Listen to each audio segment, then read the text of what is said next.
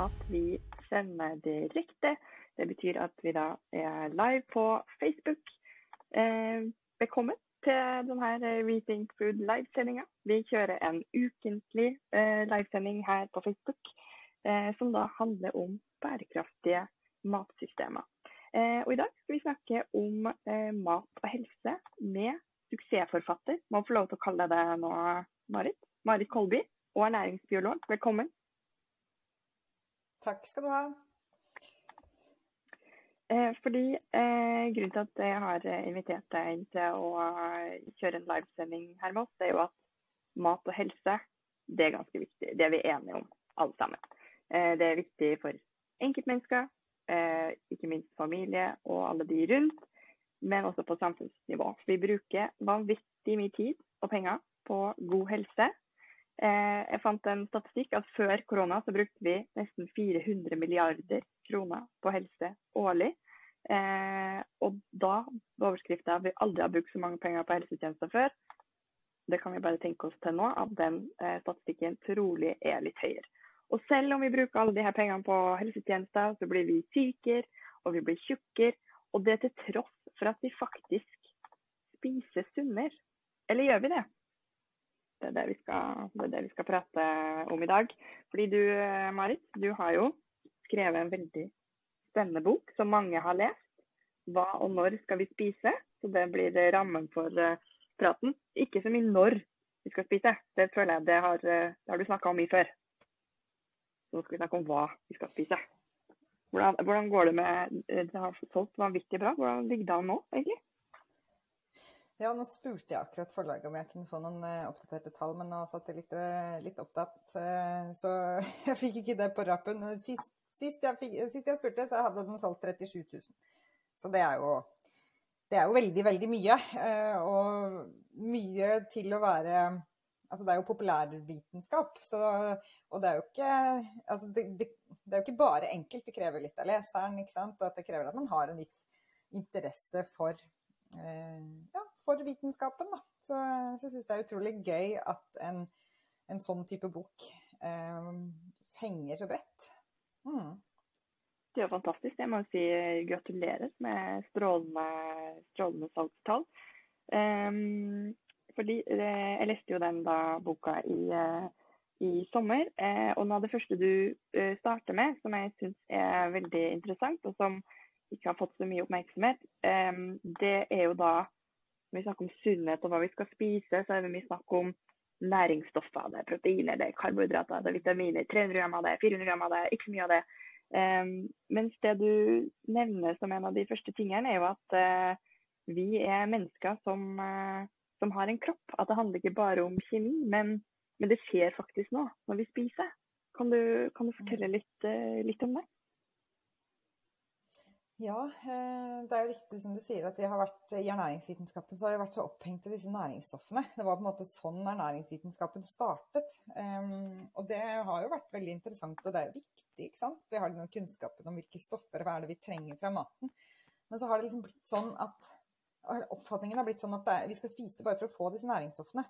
Eh, og at da er det det som får fokus, og får altfor mye fokus. Og så har vi måte, mistet litt hele maten på veien. Da, da kan man få et sånn inntrykk at det er bare å spise en kombinasjon av næringsstoffer, så går dette greit. Da, da, får vi det vi trenger.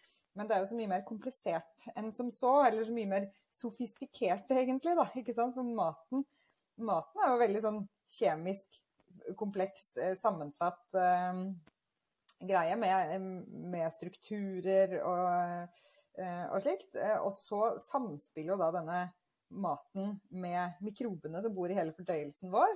Um, og også da med vår fysiologi. Så det er, liksom, det er tre viktige komponenter her. Det er både maten, og det er mikrobene, og det er vår fysiologi og det samspillet som foregår der. Og jeg syns dette samspillet der, og hvordan ulike typer mat påvirker dette, det har fått altfor liten oppmerksomhet. Um, og noe av det skyldes nok at vi har ikke hatt så mye kunnskap om det. Altså sånn På 1950-tallet så visste vi hva alle næringsstoffene var, men vi visste ikke noe om hvilke eller vi visste veldig lite om hvilke mikrober for eksempel, som, som levde i kroppene våre og i fordøyelsen vår, og, og, hvordan det påvirket hvordan maten virker på oss. Da. Så vi har hatt liksom et veldig sånn snevert syn på maten, mener jeg. Eh, mens vi er nødt til å se mer helhetlig på dette her med mat og menneske. Um, så ja, vi har, og vi har helt klart, klart gått glipp av noe veldig viktig informasjon på veien eh, der. sånn da. Så, ja. Det, jeg syns eh, det ga, ga, veldig mening for et sånt skrekkscenario eh, når det gjelder science fiction. Ja, du får liksom en, sånn, en sånn pille med alle næringsstoffene du skal ha, så må du mm. svelge den, og så ferdig med den saken. Eh, men det mm. er mest sannsynligvis eh, ikke veien til god helse. Da går vi glipp av eh, Eh, noe vesentlig, hvis vi bare skal leve på, leve på intravenøst. Mm, absolutt. Det kan hende at det går an å overleve, og i hvert fall en stund, på, på den strategien der. Sånn. Men, eh, men, da får man ikke noen optimal helse. Det tror jeg vi kan fastslå. Det som også litt eh, som vi skal ha med oss videre, da, det er at vi skal, vi skal ikke spise næringsstoffer, vi skal faktisk spise mat. Eh, og det, det, tenker jeg også når vi skal snakke om eh, bærekraftige matsystemer og kostholdsråd og den ting, at vi må på en måte ikke glemme eh, at det er ikke bare snakk om eh, næringsstoffer, det er maten. Og da begynner man jo litt å lure, da. Eh, hva er egentlig mat? Altså må vi nesten begynne der. Mm. Ja, ikke sant. Vi må jo egentlig begynne der, stille det spørsmålet hva er, hva er mat egentlig? Så, um, og hvis man ser litt tilbake altså Jeg tenker at det gir mening å gå litt tilbake i tid. og se på hva er det vi mennesker har spist opp gjennom tidene. Og hva var det vi spiste før disse sykdommene og alle plagene, alt det som utgjør denne sykdomsbyrden som nå er økende, og som vi vet er relatert til kosthold. Hva spiste vi før den utviklingen skjedde? Og vi mennesker vi er jo eh, åpenbart det vi kaller omnivåre, altså altetere. Både vår eh, både tenner og fordøyelsessystem og alt dette her eh, viser at vi er eh, konstruert biologisk for å kunne spise både planter og animalsk mat. Altså ja, planter og dyr, da. Eh, og det er også det vi har spist opp gjennom hele vår humane evolusjon. Vi har, enten vi har levd Eh, som en, en, liten atskilt befolkning på en stillehavsøy, eller om vi har levd på det afrikanske kontinentet, eller om vi har levd helt nord i Norge, eller om vi har levd i eh, jungelen i Amazonas. Vi har jo studert mange av disse her befolkningene som har, um, ja, har levd på veldig veldig forskjellige geografiske områder. Og det man har spist, er jo det som var tilgjengelig. ikke sant? Man har både sanket fra naturen det man fant der, og det vil jo både være typisk dyre planter. Man har fisket, og man har jaktet, og man har plukket bær og sopp og frukt og, og høstet røtter og sånn. Og så har man jo dyrket det man kunne da dyrke på de geografiske områdene med de forutsetningene som var der. Med tanke på hva hadde vi her av eh, lys og soldager og temperatur og, og alt sånt. Og så har man spist en kombinasjon av det. Og det har alle sånne tradisjonelle befolkninger som har vært studert, har jo spist da en kombinasjon av både eh, animalsk mat og plantemat basert på sitt eget geografiske område. Men alle har jo spist råvarer. ikke sant? Så råvarer det er jo maten sånn som vi faktisk høster den i naturen. Enten den er, vokser naturlig der, eller om vi eh, ja, eller om vi da fremstiller husdyr, eller driver husdyrproduksjon. Da. Så, men det, det, er liksom råvarene, det er slik vi høster dem. Og det er jo det som alltid har vært den opprinnelige maten. Det er det som har vært kostholdet vårt eh, opp gjennom hele evolusjonen. Helt til vi begynte å spise den omfattende prosesserte industrimaten. Og så har, vi, har det skjedd et gradvis skifte der, hvor vi har gått mer og mer vekk fra tradisjonsmaten vår, som var basert på råvarer. Eh, og i Norge så kan jo det ha sett ut Altså vi har jo spist I Norge har vi f.eks. spist mye fisk. Vi har spist mye potet og rotgrønnsaker, vi har spist mye kålvekster, vi har spist mye erter, vi har spist mye frukt og bær og slike ting. Som, som var eh, vårt, eller det vi kunne fremstille på vårt eget ressursgrunnlag. Før spiste vi jo mye mer av den typen mat, og så har vi gradvis gått over til å spise mye mer av den omfattende prosesserte industrimaten. Um, og det har jo da sammenfalt i tid med at vi har fått veldig mange forskjellige typer eh, helseplager og sykdommer i befolkningen.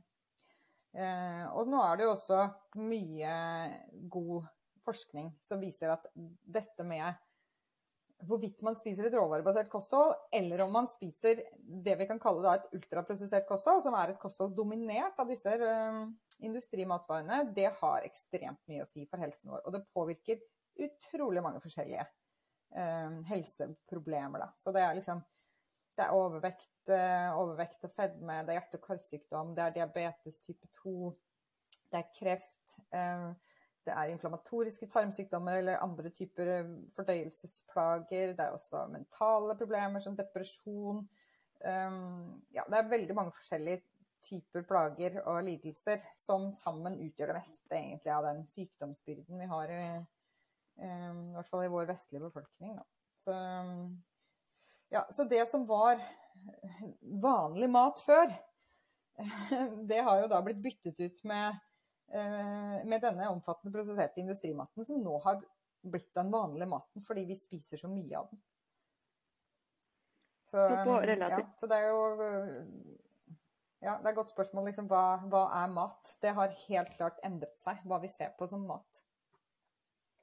Så på relativt kort tid da, har vi gått fra å spise råvarer til å spise industrielt bearbeida mat. Og så har du trukket frem et grep her som er begrep som er ultraprosessert. Vil du forklare hva, hva som ligger, ligger, i det begrepet?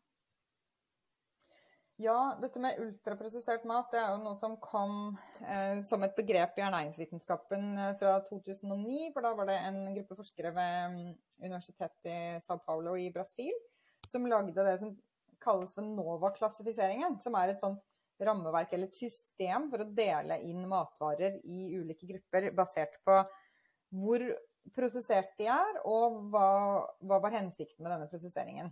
Så denne klassifiseringen kalles for NOVA-klassifiseringen. Og NOVA betyr ny. Og det som var nytt med denne NOVA-klassifiseringen, er at den skilte ut de mest omfattende prosesserte eh, industrimatvarene og kalte disse for ultraprosessert mat. For før så hadde vi ikke hatt noen mulighet til å liksom skille på grad av prosessering. Og selv helt enkle ting som å liksom steke altså Steker du et egg, så har du prosessert det. Det er per definisjon en prosess. Eh, men det var ikke den typen prosessering som de var ute etter å, å kunne undersøke. De ville undersøke hva, hva har det å si når maten er prosessert i en så stor grad at den har egentlig mistet mye av sine opprinnelige egenskaper og fått veldig mange nye. Eh, så Derfor så lagde de denne klassifiseringen. Eh, og dermed så kunne da forskere rundt i hele verden begynne å undersøke hva har det å si at man spiser mye av disse her matvarene. Så, men, men, den ultraprosesserte maten Det er ikke så lett å gi sånn veldig kort, grei definisjon på det. Men eh, jeg pleier å si at ultraprosessert mat er da matvarer som er så prosessert at de har, de har mistet sitt helsebevarende potensial. For egentlig så er jo det maten skal gjøre. Det er jo det maten gjør for oss. Den, jo, den bevarer helse hvis vi spiser den maten vi er ment å spise. Eh, men det er noen kjennetegn ved disse ultraprosesserte matvarene. Eh, og det ene er at de ofte består av mye ingredienser. Eh, og da, når jeg snakker om ingredienser, så snakker jeg ikke om uh, tomat og løk og slike ting. Da snakker jeg om ekstrakter av matvarer som matolje, stivelse, uh, siktet uh, mel, um, salt, sukker, slike ting. Um, det er det som er ingredienser. så de består ofte av mange slike. ofte så består de av lite råvare. De har ofte mange tilsetningsstoffer, og gjerne da sånne kosmetiske tilsetningsstoffer som er der for å, for å pynte på maten. Altså vi kaller dem for matsminke. Eh, det er sånn som aroma, det er farge, det er konsistensmidler bl.a. Eh, ofte så er denne maten tilsatt mye sånne ting som ikke vi har på eget kjøkken.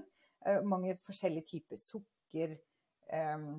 Forskjellige typer sukker som man ikke nødvendigvis kjenner igjen som sukker. Da, For det står dekstrose, det står høyfruktosesirup, det står, det står laktose ja, Det er mange forskjellige sånn, Det er sikkert 50 forskjellige sånne typer sukkerforbindelser som ikke man gjenkjenner som sukker.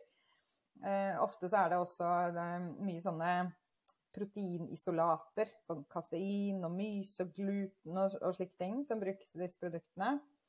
Og så er det jo ofte da veldig sånn attraktivt emballert. ikke sant? Det skal se fristende ut, og så har de gjerne helsepåstander på pakken i tillegg. Og så er det egentlig Det er jo ikke egentlig det som er maten vår, men det er det som eh, Michael Pollen, han er jo en eh, kjent eh, amerikansk journalist, han kaller jo dette her for matlignende spiselige Hva er det han kaller det? Mat, eh, food-like edible substances. Så matlignende spiselige substanser. Et eller annet. Mm. For det er jo det også sitter igjen eh, etter å ha lest eh, alt det her, er jo at eh, ja, kan vi, er det egentlig mat? Eh, må, vi, må, vi, finne på food-like? Altså ja, det matlignende. Det gir kanskje mer, gir mer mening? Kanskje det. Um, og så er det klart, det er jo ikke sånn at ikke vi ikke tåler noe av denne maten. Uh, og vi spiser jo alle sammen noe godteri og sånn en gang iblant, og det er også ultraprosessert mat. Uh, og det tåler vi selvfølgelig. Vi tåler dette i små mengder. Problemet er at når kostholdet vårt blir dominert av den ultraprosesserte maten, da får vi rett og slett for lite av det vi trenger, og for mye av det som ikke påvirker oss på en bra måte, da. Uh, så det er liksom det handler, det handler ikke egentlig om den enkelte matvaren. Det handler ikke om akkurat det pålegget eller det brødet eller det, er liksom kombinasjonen av det hele. Det er da det blir et problem. Når kostholdet blir dominert av den ultraprosesserte eh, maten. Og, og, så er det jo det er mange som har kritisert dette begrepet og sier at denne klassifikasjonen er altfor den er altfor vid, den drar med seg mange produkter inn i definisjonen av ultraprosessert mat som vi ja, Hvor det vil være veldig forskjell på hvor problematiske de er. Da, det fins noen type Eh, brød som vil klassifiseres som ultraprosesserte fordi at det tilsettes eh, ekstra gluten, f.eks. Eh, det er ikke sikkert at Eller antageligvis er det brødet er jo en mye bedre matvare enn smågodt, som havner i den samme kategorien. Så det er klart, innenfor ultraprosessert begrepet så er det også et stort spekter. Så, men noe av det som er essensen med dette her, altså, og noe av det som har vært veldig positivt med denne NOVA-klassifiseringen og forskningen, er at vi har vi har fått vist hvor viktig det er at kosthold er råvarebasert. Og at det er det vi skal fokusere på, da, tenker jeg. Det er det som er det viktige budskapet her. Kosthold kostholdet vårt skal først og fremst være basert på råvarer.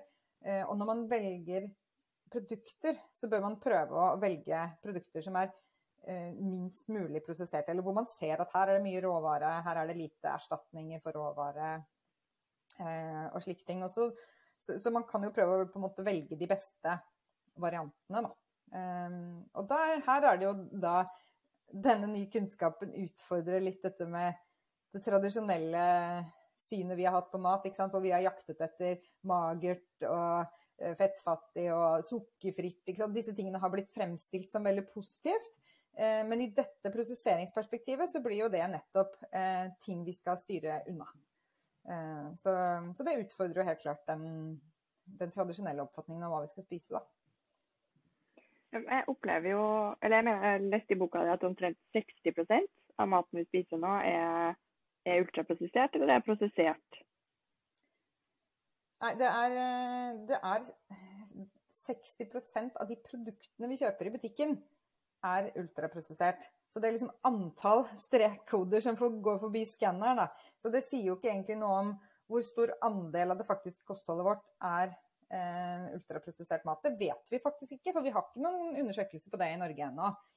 Um, mm. Men uh, så vet vi også at vi bruker halvparten av pengene som vi bruker på mat, det bruker vi på ultraprosessert mat. Så ut fra den kunnskapen der, så kan vi jo anta at eh, vårt inntak av ultraprosessert mat er høy. Og vi bruker mye mer penger på ultraprosessert mat enn vi bruker på råvarer. Så, så, bare ut fra den kunnskapen der, så kan vi egentlig si at her vil det være smart om vi prøver å skifte den, tippe den over på andre eh, Tippe den vektskåla over, sånn at det er råvarene som veier tyngst da, i kostholdet vårt. Eh, det mener jeg det er ikke noe tvil om at det ville vært veldig bra for folkehelsen. Så mm, ja, nei, så vi vet ikke. Vi mangler litt kunnskap om hvor mye vi faktisk spiser, hvis man skal se sånn på eh, energiandelen, f.eks. Eh, men da vet vi fra mange andre land, så ved andre vestlige land som vi kanskje kan sammenligne oss med, så vet vi at dette her er høyt. Og noe av det, altså det kan være liksom rundt 50-60 det er det høyeste. I USA så de, spiser de gjennomsnittlig 60% av energien fra ultraprosessert mat. Og det betyr jo at det er, det er jo fortsatt noen som spiser en del råvarer her, så det betyr jo også at det er noen som spiser omtrent bare ultraprosessert mat, for å få det gjennomsnittet. Så mm. det er helt klart eh, høyt. Noe av det som også forskning har vist da, fra andre land, som er litt skummelt, er at andelen er høyere hos barn. Altså energiandelen. Så jo, de små barna får i seg en større andel energi fra ultraprosessert mat. Så det er jo en, også en utvikling som er veldig bekymringsfull, syns jeg, da. Ja, for det er jo Jeg føler at vi har Det er jo en grunn til at det, det tallet er så høyt. og sånn som vi har lagt opp eh, samfunnet vårt i dag, eh, så har vi egentlig ikke tid til maten. Eh, for jo, vi har jo nå delegert bort ansvaret med å dyrke maten. Det er det vanlige som gjør, det er jo bonden som gjør. Men nå har vi heller ikke tid til å lage maten. Jeg vet jo hvordan det er, jeg har jo to små barn sjøl, og jeg har omtrent 20 minutter før vi er hjemme til det er noe mat på bordet, før det blir fullstendig krise. Så da Eh, må jo klart å komme opp med noe sunt og godt alternativ på 20 minutter, eh, og som barna faktisk spiser. Det er jo en utfordring. Eh, så en ting er at du skal ha tid til det, men du skal jo også ha kunnskap til å faktisk eh, lage noe mm. godt da, ut av de her eh, råvarene. Så jeg lurer på, har vi lagd et samfunn hvor vi, vi bare har, vi har ikke tid til å spise? Vi har ikke tid til mat. Mm. Vi har jo eh, blitt fortalt det, og så har vi akseptert det som en slags sannhet. At ja, sånn er det. Vi har ikke tid til å lage mat. Eh, matindustrien har vært veldig flink til å lære oss dette her og sagt at nei, men dette, dette, skal ikke dere holde på med, dette kan vi gjøre for dere. Eh, se denne posen her, bare og tilsette litt vann og et eller annet, så har du ferdig middag, liksom. Um, og ikke minst all den helt ferdige fastfood og sant, ting til bare slenge i ovnen osv. Um, så, så, det har på en måte blitt en sånn akseptert sannhet at vi ikke har tid til å lage mat. Og jeg mener at det er noe vi må utfordre. Absolutt. Og si at ja, men når mat er så viktig for helsa vår, eh, så kan vi jo vi kan jo begynne å fortelle en annen historie om det. Og si at vet du hva, dette er faktisk noe av det viktigste vi gjør for, for, å bevare helsa vår og barnas helse og, og sånn. At vi skal bruke tid på å lage mat. At det bør være like selvfølgelig som alle de andre tingene vi prioriterer høyt. Og det er jo ingen som stiller spørsmål ved om man skal bruke tid på å trene, f.eks. Det er ingen det er ingen som utfordrer deg på det. Nei, men har du brukt en time på å trene, du, liksom? Det, hadde det noe for seg? Eh, og, men hvis man har brukt en time på å lage mat, så kan det hende man må liksom stå litt til ansvar for det. Å ja, så du er en sånn en, du som lager alt fra bunnen? Mm. Og så kan man himle litt med øynene av det. Um, jeg tenker at kan vi, begynne, vi kan utfordre det synet der. Eh, men så er det også sånn at det er jo ikke sant at det må ta så innmari lang tid å lage mat. Så det er noe med det også, ikke sant. Og der kommer kunnskapen inn, da, som du nevner. Eh, og jeg syns jo ikke at vi har vært flinke til å ta det på alvor. At dette her er grunnleggende kunnskap som alle mennesker må ha med seg eh, opp gjennom livet. Altså, jeg tenker at vi skulle hatt like mye sånn grunnkunnskap om hvordan ta vare på helsen din, og også andre ting. liksom Hvordan ta vare på det sosiale livet ditt og økonomien din. og så, Sånne ting burde vært mer på plass i skolen. Da, for det er så viktig, viktig, kunnskap. Og det burde på en måte vært med hele veien opp. Sånn at når man går ut av videregående skole, så har man med seg et sånt grunnleggende sett med kunnskaper som gjør at du kan flytte for deg selv og begynne å lage ordentlig mat på egen hånd. Med, um, det, det, tenker jeg hadde vært eh, en bra investering i helse for, eh, for, fremtiden. Men så er det jo en del enkle triks man kan gjøre. Du kan bytte ut F.eks. ta de der frokostblandingene. Da. Disse her ultraprosesserte produktene. Eh, honeycorn og cornflakes og Coco Pops og eh, Fruit Loops, eller hva heter de, og og havrefras og alle disse greiene der. ikke sant? Det den opprinnelige varianten av det vi egentlig ønsket å spise. Altså vi, vi, forteller oss selv at vi spiser korn, fullkorn, når vi spiser sånne ting. Det står jo også på pakka. Her er det fullkorn og fiber og strålende. Noen av dem har også nøkkelhullsmerke og, og, slikt. Men den, det vi egentlig ønsket å spise, var jo korn. Så hvorfor ikke spise havregryn? Spise havregrøt, bygggrøt, altså slike ting. og vende liksom tilbake til den råvaren. Det tar ikke lenger tid å tømme havregryn, melk og litt rosiner f.eks., eller noen bananskiver i en skål, enn å tømme Cheerios i en skål. Så der, bare der er det et, et super, super enkelt grep. Og så er det jo mye av den ultraprosesserte maten er eh, helt unødvendig. F.eks. brus. Nordmenn er jo helt vi er jo helt ville. Vi er jo på verdenstoppen i brusdrikking. Vi drikker brus til hverdags eh, som tørstedrikk. Eh, det er jo noe som vi burde utfordre mye mer sånn tydelig. At det, det, er vann som skal være vår tørstedrikk. Så der kan du luke bort en masse ultraprosessert og til og med spare masse penger i den prosessen. Bare liksom ved å bli oppmerksom på at ja, men dette her er ikke bra for meg. Og det gjelder all type brus. Det gjelder både lettbrus og, sukkerbrus. Det er like ille begge deler. Så, og sånn eh, saft og energidrikker og sånn, selvfølgelig. ikke sant? Så det, der kan man kvitte seg med mye ultraprosessert mat. Eh, og så er det disse mellommåltidene, da. Som er noe av det jeg også utfordrer i boka. at vi hvis vi spiser oss gode og mette på kvalitetsmat og hovedmåltider, så trenger vi faktisk ikke mellommåltider. Eh, og hvis man føler at man må ha et eller annet mellom to måltider, så istedenfor å Eh, kjøpe den der God morgen-yoghurten eller spise den der mellombaren eller den proteinpuddingen eller et eller annet sånt noe, så spis noen nøtter og et eple. Det, det, tar ikke lenger tid.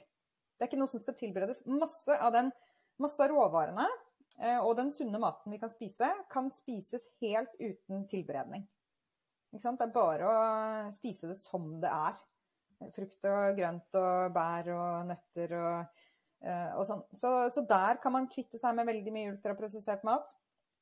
Og så mener jeg at det tar faktisk ikke særlig mye lengre tid å steke fiskefilet og potetbåter i ovnen enn det tar å steke eh, fiskepinner og pommes frites. Så, så, det er noe med det også å liksom finne de der enkle alternativene. Eh, og når hverdagen liksom treffer deg i ansiktet og 'herregud, i dag har jeg ikke tid til å lage middag', istedenfor å ta en pizza Grandiosa. For det tar litt tid å lage den også. Du skal jo gjøre noen få ting. Eh, og du skal vente på den. Istedenfor å ta den der Grandiosa. Lag en omelett, da. Ikke sant? Det er, det er så kjapt.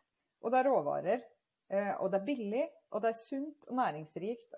Så da er noe med å det er noe med å skjønne hvilke bytter er det jeg skal gjøre, eller hvordan kan jeg vende tilbake til råvarene og gjøre det på en måte som ikke krever veldig mye både tid og penger, da. Eh, for der er det også det er mye av de bra råvarene som også er billige. For det er også ofte et argument. Man sier at det er så dyrt å spise sunt, og den ultraprosesserte maten er billig. Men den er faktisk egentlig ikke det. Hvis du sjekker kiloprisen på frokostblanding versus havregryn, altså det er helt sinnssykt hvor dyrt altså hvor dyr den ultraprosesserte maten er. Så, ja, så hvis vi kunne spise mer av de rimelige råvarene også, mer potet og rotgrønnsaker og erter og villfisk og slike ting, så kommer vi innmari langt med det, faktisk. Mm. Og En ting er at det er dyrt for forbruker, men eh, mesteparten av de kostnadene knytta mot eh, den helseskadelige maten, den ser vi jo ikke. For den eh, dukker jo ikke opp på kassalappa. Den bare dukker opp i noen andre sine budsjetter. Helsebudsjettet, f.eks. Det, så det ene er jo det samfunnsøkonomiske der, men det andre er jo også dette med for individet. Det er eh, veldig dårlig butikk å være syk sånn økonomisk for, for en selv, men, men, ikke minst også den personlige lidelsen. Da. Det å leve store deler av livet sitt med veldig dårlig helse. Eh, det er også Det har mye verdi å unngå det, da. Så, ja, så det er veldig mye større det er, det er veldig mye både økonomiske verdier, men også menneskelige verdier i dette her, da, som, eh, som trengs å løftes fram. Mm. Men jeg tror jo at uh, måten vi har uh, uh, lagd maten på, er jo gjort av, av det hensyn til det gode. Man ville, man, ville, jo bare prøve å lage god mat som folk ville kjøpe, tror jeg da. Jeg har, et positivt syn på det. Men at man har kanskje ikke visst hvor skadelig det egentlig har, det har vært. Man har lyst til å lage kjappe middager eh, uten fett, salt og sukker, og så har man kanskje ikke skjønt helt konsekvensen av det, det man har gjort. Har du, hvordan har mottakelsen vært fra de som lager maten? da? Har, eh, har du fått eh, noen noe tilbakemeldinger fra dem etter, etter du har vært ute og snakka om de tingene her? Ja, det er litt sånn blanda. Eh, det kommer litt an på hvem de er, ikke sant. Og hva slags verdier er det de fronter. Eh, det er nok litt sånn her, her er det nok også litt sånn at, eh, at, en del av de fagfolkene som jobber i disse organisasjonene, f.eks. Altså de store matprodusentene, de som er ernæringsfagfolk, de er jo egentlig ganske med på dette her og ønsker å gjøre produktene deres bedre. Men så slåss jo de på en måte litt mot de den økonomiske biten. ikke sant? For at vi skal ha høy inntjening, og da er det om å gjøre å redusere på råvarene og bruke noen erstatninger for råvarer. Det er klart det er utrolig mye eh, mer lønnsomt å lage en leverpostei som i stor grad består av vann og konsistensmidler, enn en leverpostei som består av mye lever og kjøtt. ikke sant? Da tjener man mer penger på det. Eh, så der er det nok en, eh, en liten konflikt som går der. Men det, det jeg merker, da, er at de har skjønt, både de som både blårussen, for å kalle dem det, og, og de andre har skjønt at dette her, dette, denne samtalen går ikke over. Dette går ikke bort. Dette med fokus på ultraprosessert mat kommer til å bli viktigere og viktigere og viktigere. Vi har sett bl.a. I, eh, i rapporter om altså, eh, hva skal man si verdi Eh, vurderingen til selskaper, at de kan bli vurdert ned i verdi fordi de har en stor portefølje med ultraprosessert mat. Så da begynner også blårussen å skjønne oi, dette her har faktisk noe å si. Eh, dette er ikke en positiv utvikling for dette firmaet. Eh, så, så, det er mye interesse fra industrien. og jeg har vært med i mange samtaler med dem om dette her. Så det er mange som på en måte har invitert meg inn og ønsker å Eh, sette fokus på dette her, ønsker å lære mer, eh, ja, ønsker å jobbe med dette her. Så det er liksom den ene siden av det. Eh, og noen sier jo at, at de er glad for det fokuset jeg har på, på, vi, altså på verdien av råvarer og slike ting. Men samtidig så vet jeg jo at det diskuteres på bakrommet, håper jeg, altså i, i lukkede forsamlinger for denne industrien, så er det litt sånn Hva skal vi gjøre med hun der Marit Kolby? Nå ødelegger det mye for oss her. Så det er jo det som egentlig Og det står jo til og med i deres interne dokumenter at uh, denne boken her har skapt uh, mye problemer for oss. Så hva, hva, skal vi gjøre med dette? Hvordan skal vi gå dette imot? Så det er jo veldig interessant. Uh, det er litt sånn tosidig der. De sier ja, men vi har lyst til å jobbe med dette her, og så er det samtidig har de egentlig litt lyst til sette munnkurv på meg. Så, men eh, det, det, kommer jo ikke til å skje. og jeg tenker nå, Det som er kult nå, da, er at nå ser jeg en veldig sånn Jeg ser en bevegelse nedenfra. Nå er det veldig mange folk som våkner opp for denne kunnskapen her, og det gir dem intuitivt mening. Eh, mye av det jeg formidler. Det, det henger liksom på greip. Eh, og de kan bruke denne kunnskapen til noe. De, de, kan ta det til seg og skape seg bedre matvarer, og så opplever de at de veldig fort får bedre helse.